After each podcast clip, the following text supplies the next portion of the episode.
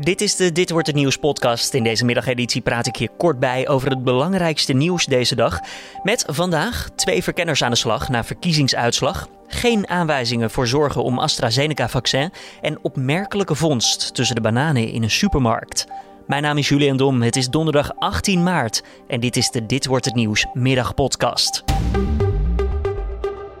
Op verzoek van D66 gaan niet één, maar twee verkenners aan de slag om aan de hand van de verkiezingsuitslag de mogelijkheden tot samenwerking in een nieuwe regeringscoalitie in kaart te brengen.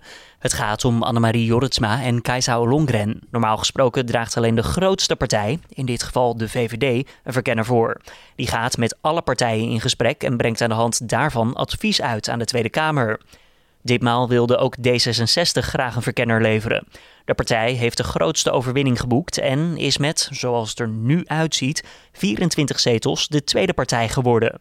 Daarom vinden zij het passend dat ook zij nauw worden betrokken bij de verkennende gesprekken.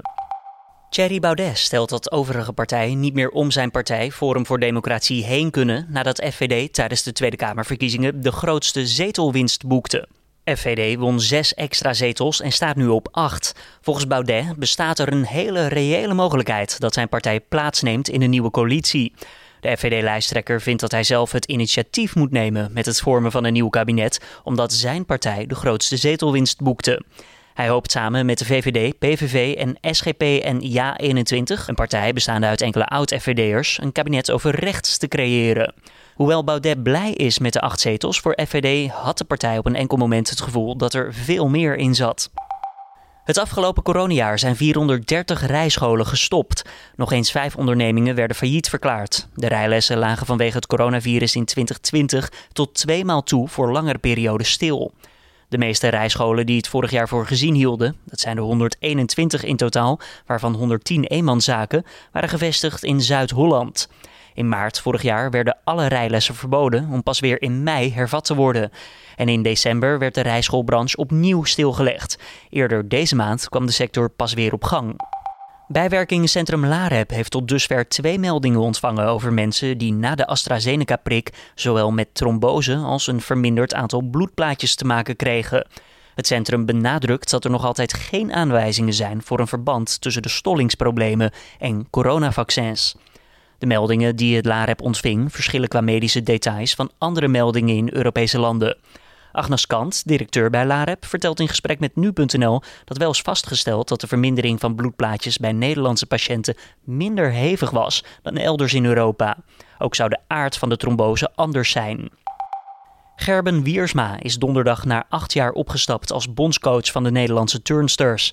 De 43-jarige Fries vindt vier maanden voor het begin van de Olympische Spelen dat hij niet meer de juiste man op de juiste plek is.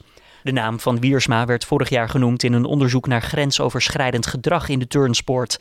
Hij werd net als collega Vincent Wevers op non-actief gesteld naar aanleiding van beschuldigingen door oud-turnster Joy Goedkoop. Na afronding van het onderzoek in september mochten Wiersma en Wevers weer terugkeren in de turnzaal, maar Wiersma is dus nu alsnog opgestapt. Dan nog eventjes het weer van Weerplaza. Het is grijs met vooral in het midden en zuiden van het land een licht buitje. 8 graden vanmiddag, morgen meer zon, droog en weer een graad of 8. En om af te sluiten nog even dit. Ja, het was schrikken voor supermarktmedewerkers in een winkel in Assen. Ze troffen namelijk een enorme spin aan tussen een stapel bananen. Een opgetrommelde reptielen-expert kon vertellen dat het ging om een niet-giftige huntsman-spin, die in Nederland ook wel bekend staat als de jachtkrabspin. De huntsman komt van nature voor in tropische en subtropische gebieden. Een volwassen exemplaar kan een spanwijdte van zo'n 15 centimeter bereiken. Nou, het diertje is gevangen en naar de opvang gebracht. En dit was dan weer de Dit Wordt Het Nieuws middagpodcast van deze donderdag 18 maart. Tips of feedback? Laat het ons weten via podcast.nu.nl. Mijn naam is Julian Dom. Ik wens je voor nu een fijne dag. En tot morgen. Dan hebben we een politieke podcast weer waarin we verder praten over de uitslag van deze verkiezingen. En smiddags weer gewoon een middagpodcast met daarin het nieuws van de dag.